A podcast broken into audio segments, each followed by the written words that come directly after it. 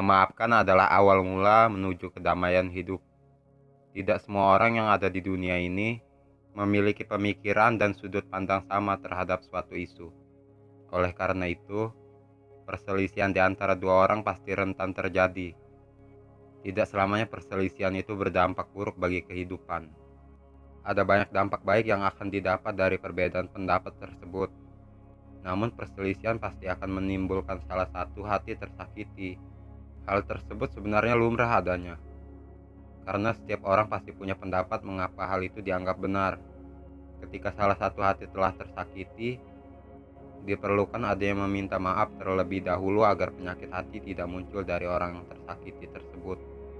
Banyak orang yang setuju bahwa memaafkan itu bukanlah perkara mudah. Hal itu terjadi karena kekecewaan yang begitu mendalam terhadap orang lain yang sampai menyakitinya. Namun, Memaafkan itu tetap harus dilakukan agar tidak ada lagi dendam dalam hati. Hei pendengar, kembali lagi di podcast Aspera bersama saya Yusuf. Kita perlu belajar mengikhlaskan, tidak mengeluh untuk memaafkan. Ingatlah bahwa dunia ini begitu luas dan indah jika tidak dijelajahi. Ketika kamu hanya mengurusi saat masalah yang akan membebankan hidupmu saja, pastinya dirimu tidak akan berkesempatan untuk mengeksplorasi keindahan dunia dan tetap berfokus pada memupuk penyakit hati. Cara yang paling ampuh untuk memulai membangun fondasi kedewasaan dalam diri adalah selalu memaafkan terkait setiap masalah yang datang di hidupmu. Ketika kamu terbiasa untuk memaafkan, maka kebijaksanaan akan timbul dengan sendirinya. Kebijaksanaan adalah aspek dari kedewasaan. Seperti yang telah disebutkan sebelumnya, semua hal yang kamu lakukan di dunia ini pasti ada konsekuensinya. Jika dirimu memutuskan untuk tetap memendam dendam yang ada dalam dirimu, pastinya hal tersebut akan menjadi bebanmu di kemudian hari. Sebuah maaf kadang bisa memberi perubahan yang besar dalam hidup kita.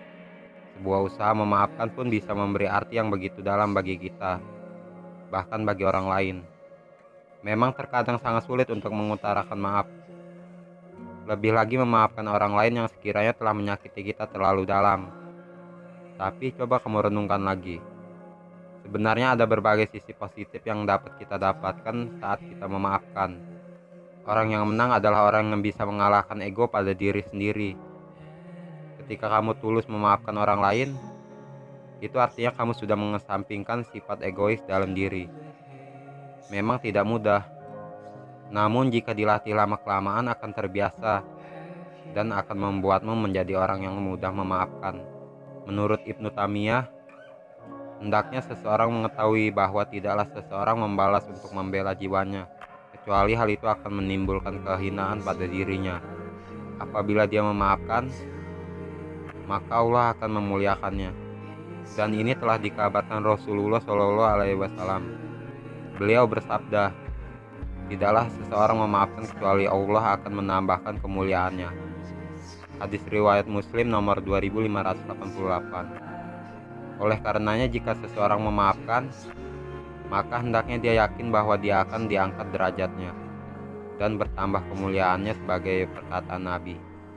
Nah, pendengar, ada zodiak yang menurut pakar astrologi memiliki sifat pemaaf. Dari 12 zodiak yang ada, ada lima yang paling mudah memaafkan. Yang pertama ada zodiak saya nih pendengar. Aries. Ya Aries memang memiliki sifat pemaaf. Meskipun mereka mungkin pemarah, mereka benar-benar kesal dengan kesalahan terkecil. Mereka mungkin tidak dapat mengambil lelucuan kasar dan karenanya menjadi jengkel. Namun hati mereka segera meleleh dan mereka memaafkan orang itu. Memberi hubungan itu kesempatan kedua tapi hanya yang kedua dan bukan yang ketiga. Yang kedua ada Cancer. Seorang Cancerian akan memberi Anda kesempatan kedua jika mereka bersimpati. Namun mereka juga menjadi waspada terhadap seseorang yang telah mengkhianati mereka sekali. Sementara gravitasi ikatan mungkin berhasil menarik mereka ke arah Anda. Mereka mungkin tetap curiga terhadap Anda dari sekarang dan seterusnya. Yang ketiga ada Libra. Libra yang baik hati jelas akan memaafkan Anda, tetapi mereka mungkin tidak percaya lagi pada Anda dalam hal yang sama.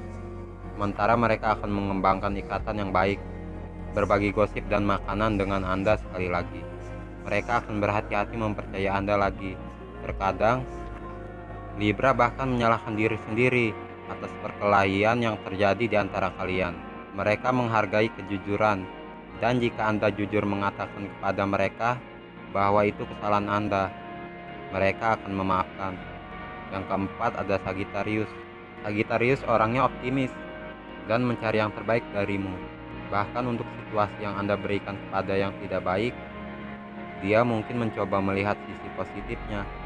Dia mungkin menjebak Anda untuk apa yang Anda lakukan dan pertarungan mungkin berakhir. Namun ketika pertarungan benar-benar membuatnya kesal, dia mungkin mengampuni ketika dia melihat bahwa memaafkan akan membantu Anda berdua tumbuh secara internal. Yang kelima ada Pisces.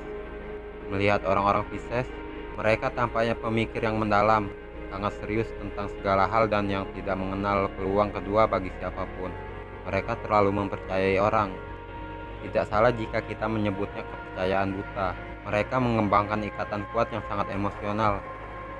Mereka tidak akan hanya memaafkan sekali tetapi lagi dan lagi. Karenanya berkali-kali. Mungkin kita berpikir apa yang terjadi pada kita sangat tidak adil, tetapi anggaplah pengalaman itu sebagai bagian dari pertumbuhan Anda. Siapa yang tahu bahwa kisah Anda menginspirasi banyak orang? Memaafkan membuat kita merasa lebih tenang tanpa terbeban secara emosional. Karena itu, mulailah untuk memaafkannya hingga tuntas. Jika kamu ingin mendekatkan pada kedamaian, jadilah seseorang yang pemaaf.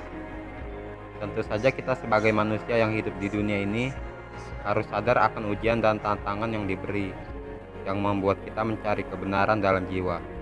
Acap kali terselip rasa gengsi yang membuat kata itu tidak bisa sampai. Begitu pula dengan kata memaafkan. Kata memaafkan juga bukan perkara gampang loh. Apalagi mengingat perbuatannya yang telah melukai hatimu. Namun kembali lagi pada kepentingan diri sendiri. Apa fungsinya menyimpan amarah pada orang lain? Jika sifat itu bakal membuatmu lebih menderita. Rasa benci, amarah dan dendam hanya akan melukai diri sendiri. Sebab itu, pergunakan ketulusan hatimu untuk memaafkan dia.